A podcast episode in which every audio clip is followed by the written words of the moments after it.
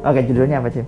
Dapat rumah. dan kendaraan Hmm. modal pinjam nama doang Udah kayak kita tuh mau buka MLM MLM ilegal gitu ya. Berawal dari obrolan tentang orang ngutang minjem BPKB teman, berlanjut sampai kita ngomongin keluarga sendiri, terus juga teman kita sendiri. dan soal bagaimana orang tuaku diporotin abis-abisan sama keluarga iparnya utang. Banyak open. Kamu aja yang bacain. Oke, welcome to teman jalan, nemenin kalian di jalan. Jadi ini aku nemuin satu tweet gitu di Twitter yang menurutku menarik banget. 20 tahun gue hidup, baru nemu temen selancang ini. Minjemnya bukan duit tapi BPKB mobil. Assalamualaikum Fajri, maaf banget gue lancang ngomongnya. Gue mau minta tolong mau pinjemin BPKB mobil lu. Kemarin udah sempet ngomong ke juga, gue lagi kepepet banget buat bayar utang. Kalau boleh minta tolong pinjem BPKB mobil lu dulu buat disekolahin. Tapi pakai atas nama gue kok minjemnya di Adira. Insya Allah pembayaran gue selama ini selalu on time. Udah dua kali soalnya. Jadi cuma minjem BPKB mobilnya doang. Nanti bayar pajak mobilnya gue yang bayarin selama gue masih ada cicilan. Insya Allah gue amanah. Jadi sebenarnya pengen ngomong langsung tapi takut lu nya sibuk. Terus dia nge-tweet lagi lanjut. Iya minjemnya pakai nama lu, tapi barang gua.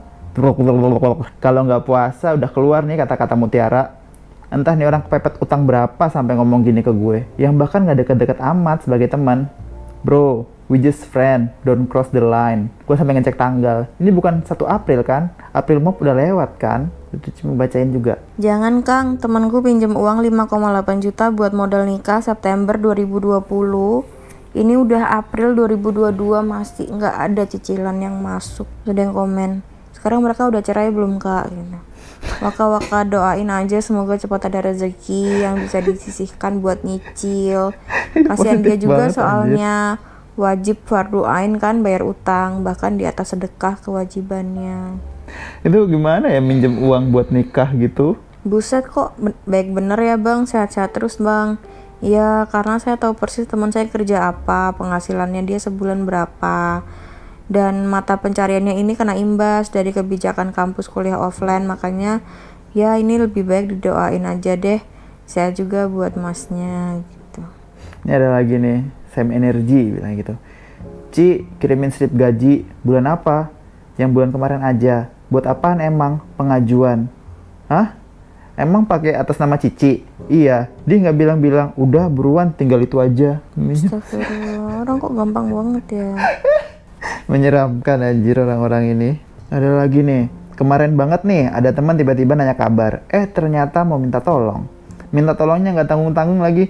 Mau minjem nama buat ambil rumah KPR. Astagfirullah minjem nama. Kayak gampang gitu ya.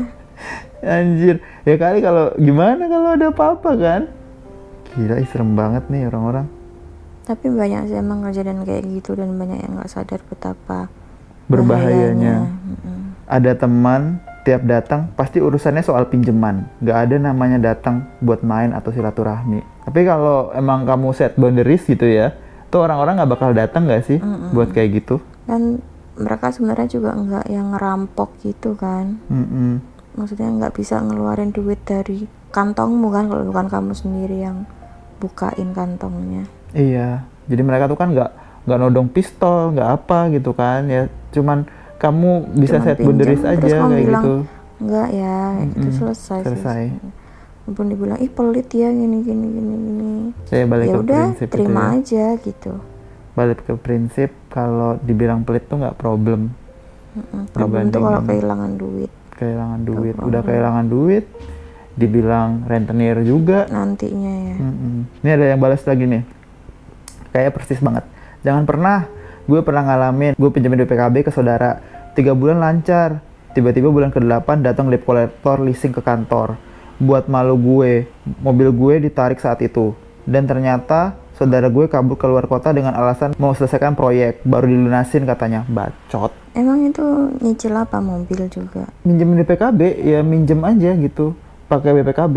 BPKB-nya orang ini disekolahin terus diambil waktu dia di kantor. Bikin malu sama kantornya. Ih, gila ih pedih banget pasti rasanya. Kayak balik lagi sih prinsip utang selalu jangan pernah ngutangin orang kalau nggak ikhlas untuk barang uangnya hilang gitu ya. Terus nggak apa-apa bilang enggak paling cuma dibilang pelit nggak ada ruginya dibilangin pelit gitu dulu juga ayah pernah kayak gitu jadi ada adik iparnya itu kan baru kerja kan Mm-mm. terus dia minta dibeliin motor tapi dianya yang bayar dipotong dari gajiannya kan. Nah yang aku heran tuh kan dia baru kerja belum sebulan like literally baru masuk terus dia ngerasa aku butuh ya. motor buat kerja gitu. Terus gajiku segini kok jadi masih cukup kalau dipotong cicilan gitu kan. Terus mamaku itu kakaknya kakak kandungnya kan terus mamaku bilang yaudah nggak apalah gajinya cukup kok gitu. Nah ayahku kan pegawai negeri. Jadi sama ayahku yaudah diambilin di apa motor di dealer terus dicicil berapa tahun gitu. Nah akhirnya dia dapat gajian pertama kedua itu dia bayar masihan. Tapi DP dibantu sama ayahku.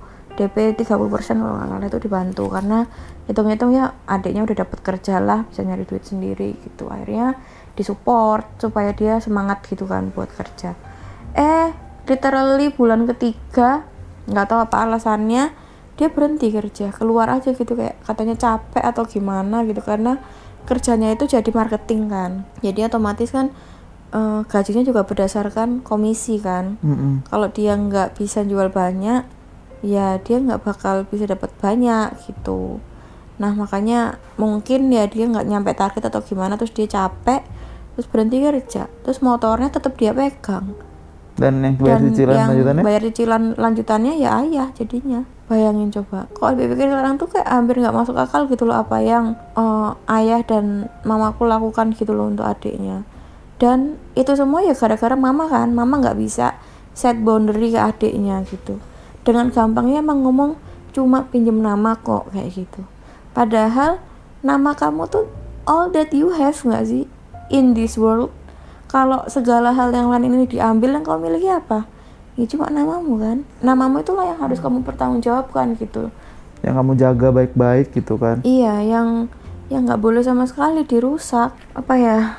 Mungkin karena kamu nggak bisa dengan mudah ganti nama kayak gitu kan? Nggak. Karena yang kamu build dari lahir itu yang kamu punya kan itu kan ceritanya. Namamu itu yang kamu bangun terus orang-orang percaya sama kamu kayak gitu kan kayak bank itu kan ceritanya percaya sama kamu makanya kamu bisa dikasih kesempatan iya buat kan nyicil. ayah kan pegawai negeri kan jadinya skor kredit kredit skornya mungkin bagus. Ya problemnya mereka tuh bener-bener nggak ada komunikasi soal finansial gitu loh. Jadinya emang suka ngawur aja gitu. Terus ya berarti tuh kayak ayahku juga selama ini kan diperes abis-abisan kan sebenarnya. Mm-mm. kalau sekarang mikir kayak gitu tuh ngerasa sekarang ayahku udah pensiun udah tua nggak punya apa-apa. Rumah aja bukan atas nama dia itu punyanya kereta api. Terus mobil aja nggak punya. Terus untuk makan aja susah harus tetap kerja nggak bisa pakai uang pensiun karena uang pensiunnya masih harus bayar cicilan kayak gitu. Apa ya kayak keputusan-keputusan dalam hidupmu itu it will add up gitu. Ini yang akan menentukan nanti masa depanmu tuh bakal kayak apa. Dan anak-anak muda tuh jarang bisa paham tentang itu gitu. Jadi pada mikirnya kayak antar juga ada rezekinya ah, tenang aja antar juga gini ntar ada takdirnya kayak gitu. Jadi uang yang dipunya saat ini ya Dihabisin. dihabisin hari ini juga kayak gitu loh. Padahal kita kan nggak bisa ya menuntut dunia atau Tuhan itu buat ngasih kita uang kapan pun kita pengen gitu kan. Jadi satu-satunya yang bisa kita andalkan ya diri kita saat ini kan? Makanya hal-hal kayak gini tapi aku herannya nggak diajarin di sekolah di di keluarga itu tuh nggak diajarin. Jadi kayak mamaku tuh berkali-kali kena sama adik-adiknya.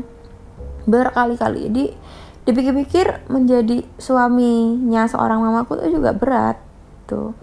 Karena dia yang nggak bisa membatasi diri dari adiknya tapi ayahku suaminya itu yang kena gitu loh Iya tadi kan kita baru ngobrol kan sama ayah masalah rumah ngebangunin rumah buat adiknya mama. hmm itu parah banget kan Mm-mm. adiknya mama nikah terus ngerasa butuh punya rumah sendiri karena udah punya tanah suaminya udah punya tanah cuma nggak punya uang buat bangun rumahnya Mm-mm. ayah disuruh ngambil utang ke koperasi buat beliin bahan bangunan Itu kan yang bikin kamu jadi aware banget sama utang. jadi kayak dipikir-pikir tuh sumpah kasihan banget juga gitu loh ayahku tuh diperes habis-habisan kayak gitu kan. Mm-mm. karena di usia dewasa aku tuh yang aku tahu dari mamaku adalah ayah selalu ngabis-ngabisin duit kayak gitu kan. Kesannya kayak gitu ya iya kayak bagi-bagi uang ke orang nggak jelas lah kayak gitu-gitu. Mm-mm. suka ngutang-ngutangin orang bla bla bla bla. Padahal ternyata yang membiasakan hal itu kan justru mama kan. Ayah sendiri tuh mikir ya daripada ngasih-ngasih duit ke adik-adik mama kan? Mendingan ke saudara-saudaraku. Mending ke saudara-saudara ayah emang jauh lebih Membutuhkan. membutuhkan, kan? Hasilnya Iya, banyak banget kan? iya. yang yang jauh lebih beneran di bawah lah. punya rumah semua kan? Kayak gitu. Heeh. bener makanya sih. ya, apa ya susah gitu kalau kita ngelihat itu tuh hitam dan putih gitu kan. Kalau aku sekarang kan ngeliat mama kayak korban kayak gitu kan. Tapi kalau dipikir lagi nggak sepenuhnya juga gitu. Iya ada blame share blame kan? Ya mereka benar-benar menikah tanpa ada ilmu ya dalam mengatur keuangan kayak gitu-gitu.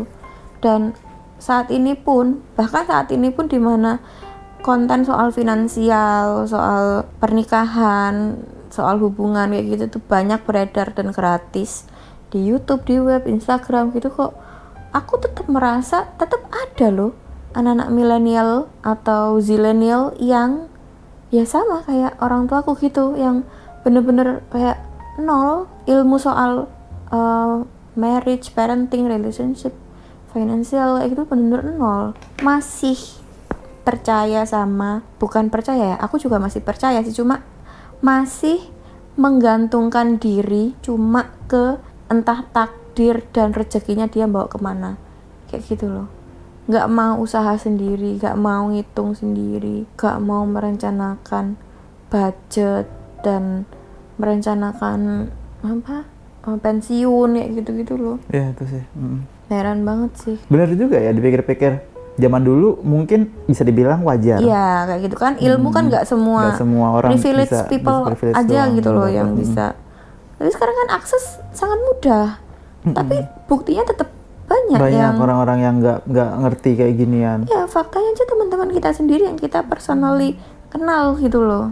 Mm-mm. Jadi itu sih menarik sih. Jadinya kayak kalau kamu ngerasa ah konten kayak gitu, misalnya kamu tertarik sama finance gitu ya, terus kayak ah nggak usah lah bikin-bikin konten finance, banyak kok orang yang lebih pintar daripada aku bikin konten finance, bikin aja. Mungkin temenmu, temen personalmu itu tuh nggak ngerti hal itu dan ada baiknya ya kamu tolong, kamu bantu orang itu biar temanmu tuh ngerti kayak gitu kan. Soalnya kan yang paling bahaya kan adalah orang-orang yang nggak tahu iya, kalau dia itu nggak tahu. tahu. Kalau aku tuh kan aku sadar ya aku bodoh ya. Banyak hal yang aku nggak ngerti. Mm-mm. Tapi paling nggak aku tuh ngerti aku tuh nggak ngerti apa gitu loh. Jadinya aku ngerasa oh aku harus belajar A B C D. Aku nggak ngerti soal untuk ngelakuin E, F, step G, H, yang gitu kayak gitu kan makanya ada ada yang bilang juga semakin kamu nggak tahu itu harusnya emang kamu tuh semakin hati-hati tapi di sini tuh orang-orang tuh semakin nggak tahu itu malah semakin brutal kayak gitu aja Iya. makin nggak nggak ngerti apa-apa ya tiba-tiba mau mikir jangka panjang itu yang aku bingung banget sih. aku aku percaya kalau ngutang itu dalam usaha itu tuh kayak advance level of ngelakuin yang benar-benar advance kayak gitu loh. Kalau kamu bisa sampai ngutang terus usaha berarti kan kamu benar ngitungnya kayak gini-gini semuanya kan tahu gitu kan resikonya.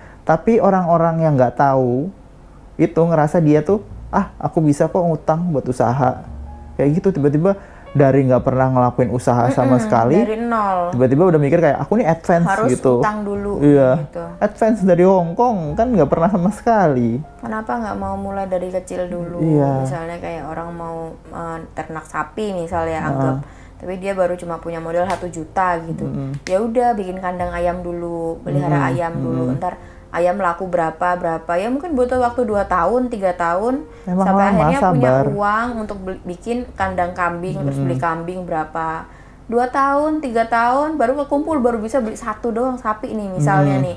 Ya nggak apa bikin kandang sapi terus beli sapi. Terus dijual. Ntar jual beli dari satu sapi setelah dua tahun jadi dua sapi terus tiga. Kayak gitu gitu kan.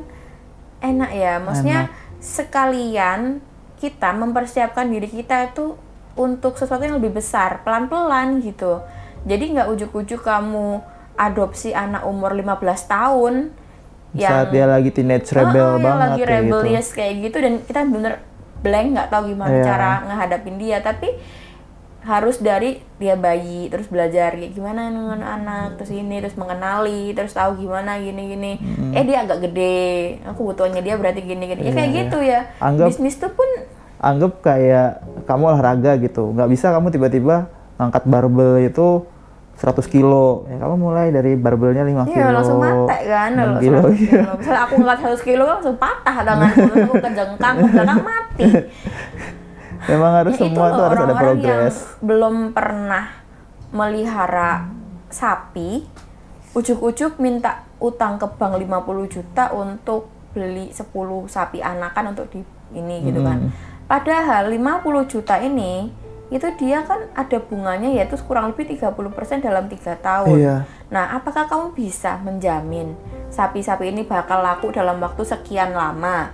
Dan kalau laku sekian lama, modal untuk makanan, untuk kandang, variabel untuk gawai, Mm, apakah nutup sama bunganya? iya benar Terus kalau ada yang sakit terus mati gimana? siap resikonya Nah, nggak kayak gitu sih, itu yang jarang orang. Padahal kalau kamu dari ayam, kamu pasti tahu kan ayam tuh kan mati-mati gitu. Mm-mm, Berarti Jadi harus kamu- precautionnya kayak gimana? gimana? Misal harus eh, dokter datang. Kamu di situ tuh rugi, rugi 200 ribu, 300 ribu kayak gitu. Itu tuh rugi waktu ayam. Kayak gitu kan misalnya. Berarti kamu juga eh, pas udah rugi 300 ribu, mungkin kamu bakal ngerasain untung 300 ribu, 200 ribu kayak gitu juga kan. Jadi kamu tahu resikonya, tahu gainnya kayak gitu. Dan udah masuk ke sapi, itu rugimu tuh tiba-tiba udah jutaan-jutaan gitu misalnya. Dan kamu tuh nggak siap sama rugi kayak gitu, cuman di kepalamu kebayang untungnya doang. Iya sih. Problem dari orang-orang memulai usaha adalah mereka tuh cuma bayangin untungnya doang. Mm-mm. Padahal cuma orang yang siap rugi. Iya, Orang usaha itu cuma orang yang siap, siap rugi. merugi. Mm. Kalau ternyata kamu nggak rugi, ya itu bonus saja gitu. Mm-mm. Tapi kalau ketika kamu nyemplung ke dalam sebuah bisnis, kamu harus sadar kamu harus siap rugi. Kamu pasti rugi.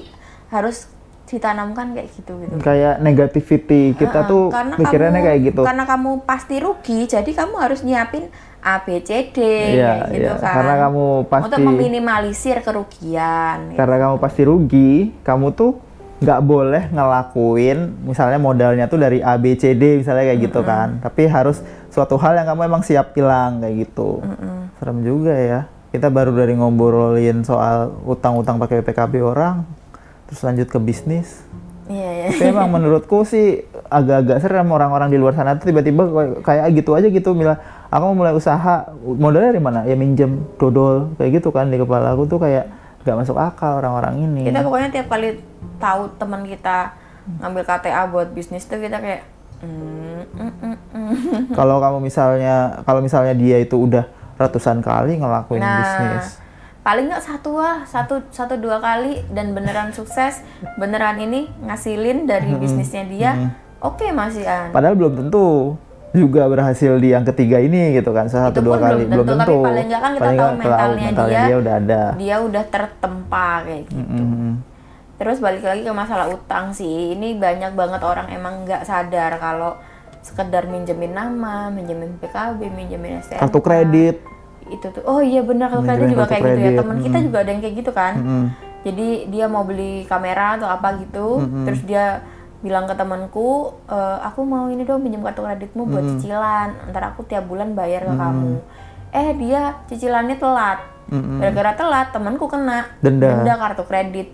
Kartu kreditnya sama dia cuma dia bayar minimum minimum dong, jadi tiap tiap bulan dia kena denda kurang lebih 50 sampai 100 ribu. Karena denda kartu kredit itu bukan dari tagihan bulan itu tapi dari sisa hutangnya kayak gitu. Nah, ini aku aku ngelihat statementnya temanku kan, aku kayak kamu nggak punya uang tak buat ngelunasin ini, kenapa kamu bayar minimum? Loh, aku kira kartu kredit itu emang harus dibayar minimum aja kata dia gitu. Ya kalau bayar minimum aja, kamu tiap bulan ini kena denda 50 ribu, aku bilang gitu terus dia kayak, hah iya tak kayak gitu. Terus kayak, kamu selama ini punya kartu kredit? Nggak pernah ngecek statementnya, itu sih, ah, dendanya. hal yang aku ngerasa kenapa kamu tuh worthy of kartu kredit dengan limit kayak sekarang ini. Karena kamu eh, turuh banget dalam ngelola kartu kredit yang limitnya cuma 5 juta waktu itu. Kartu kredit limitnya 5 juta terus kamu tuh ngelolanya kayak ini tuh harus gini terus ada setiap setiap tanggal berapa tiba-tiba HP kita "Eh, bayar kartu kredit kayak gitu kan dan aku yang bikin aku ngerasa kayak kenapa kamu sekarang itu bisa sepintar itu dalam manage kartu kredit karena kamu dalam manage kartu kredit kecil itu kamu udah beneran eh, apa kayak teliti banget Kayak nganggep gitu. serius banget Nganggep serius gitu banget kan. kamu lihat kamu tahu dendanya berapa sampai kita tuh sadar waktu ternyata dendanya syariah itu lebih gede daripada dendanya kartu kredit konvensional udah kita syariah tuh tutup jangan aja. sampai ada denda pokoknya kayak gitu ya sampai akhirnya kita tutup ya gitu sih semua itu harus incremental harus dari yang kecil harus dulu. iya harus progresif Terus temanku tuh akhirnya dulu. sama suaminya disuruh nutup kartu kreditnya. Hmm, emang bener karena Emang nggak harus kan kan nggak semua nggak orang. semua orang punya kemampuan untuk managing kayak gitu Iya. Apalagi aku kalau awalnya sih kesel ya kayak aduh kartu kredit kok ditutup sih? Padahal kan itu untuk membangun Hmm, skor kredit hmm, skor kayak hmm. gitu. Tapi kalau emang orangnya tidak bisa eh, ngehandle ya daripada malah makin banyak Iya. masalah itu sih yang aku kamu, kamu mungkin juga kan kita privilege waktu kan. Ada orang-orang yang emang dia udah tuh udah ngurus anak udah pernah kerta, kerjaan 8 sampai 5 kayak gitu kan. Terus kapan dia bisa bikin kartu kredit lagi gitu kan? Ya udah nggak bakal pernah bisa sedangkan kamu kita kita punya waktu buat belajar kayak gitu dan emang kamu jadi beneran ahli banget di kayak gitu ahli di kartu kredit ahli di diskon itu kan karena kamu emang memanfaatkan waktu dengan baik dan benar oke I think that's Eh, all eh for bentar, today. bentar. Kita harus nentuin judulnya dulu. Judulnya apa? Kenapa kan bisa ditutup habis ditutup selesai benar-benar cut judul- udah baru kita Oh ngobrol gitu, oke. Oke, that's all for today. Bye bye. you